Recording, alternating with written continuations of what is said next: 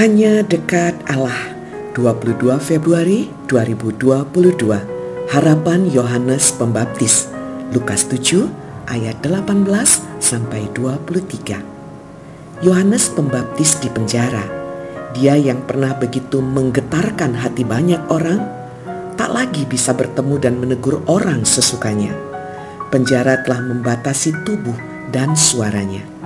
Bisa jadi pada awal-awal pemenjaraannya, Yohanes tak begitu mempersoalkan nasibnya, sebab dia ditangkap bukan karena tindak kriminal, tetapi kritikannya. Dan yang menjadi sasaran kritiknya kali ini, Herodes, sang penguasa negeri, yang telah menjadikan Herodias, istri saudaranya, sebagai istrinya. Herodes ternyata tak suka dikritik. Sebagai penguasa, Herodes merasa bisa berbuat apa saja dan itulah yang dilakukannya dengan menangkap Yohanes Pembaptis dan menjebloskannya ke dalam penjara. Nah, di penjara itu Yohanes Pembaptis mendengar tentang pekerjaan Yesus. Sepupunya itu ternyata telah menjadi terkenal. Yesus orang Nazaret yang pernah dibaptis olehnya itu telah melakukan serangkaian mukjizat. Cuma persoalannya, mengapa Yesus tidak memedulikannya?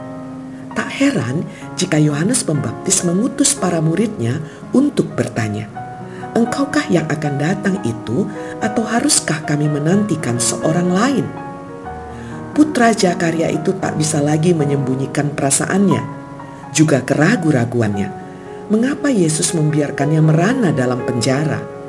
Jika Yesus adalah Mesias, mengapa dia tidak membebaskannya dari penjara?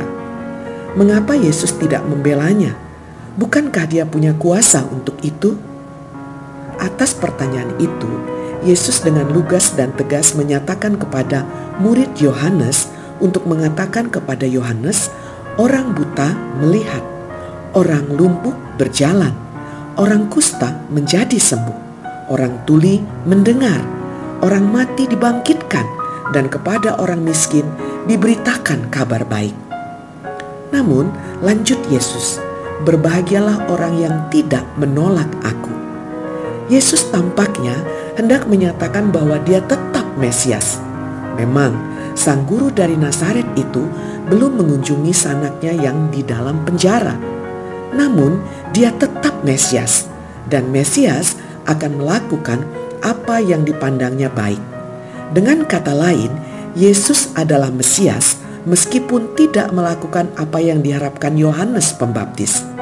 Dan penulis Alkitab mencatat hingga akhir hidup Yohanes Pembaptis, dua bersaudara itu tak pernah bertemu lagi di dunia. Yesus tetap berharap Yohanes Pembaptis tidak patah arang. Mengapa Yesus tidak mengabulkan permintaan Yohanes Pembaptis? Pertama, sebab Yesus sungguh Tuhan. Jika Yesus mengabulkan semua permintaan manusia, lalu siapakah yang sesungguhnya menjadi Tuhan? Kedua, Yesus tahu kekuatan iman Yohanes Pembaptis.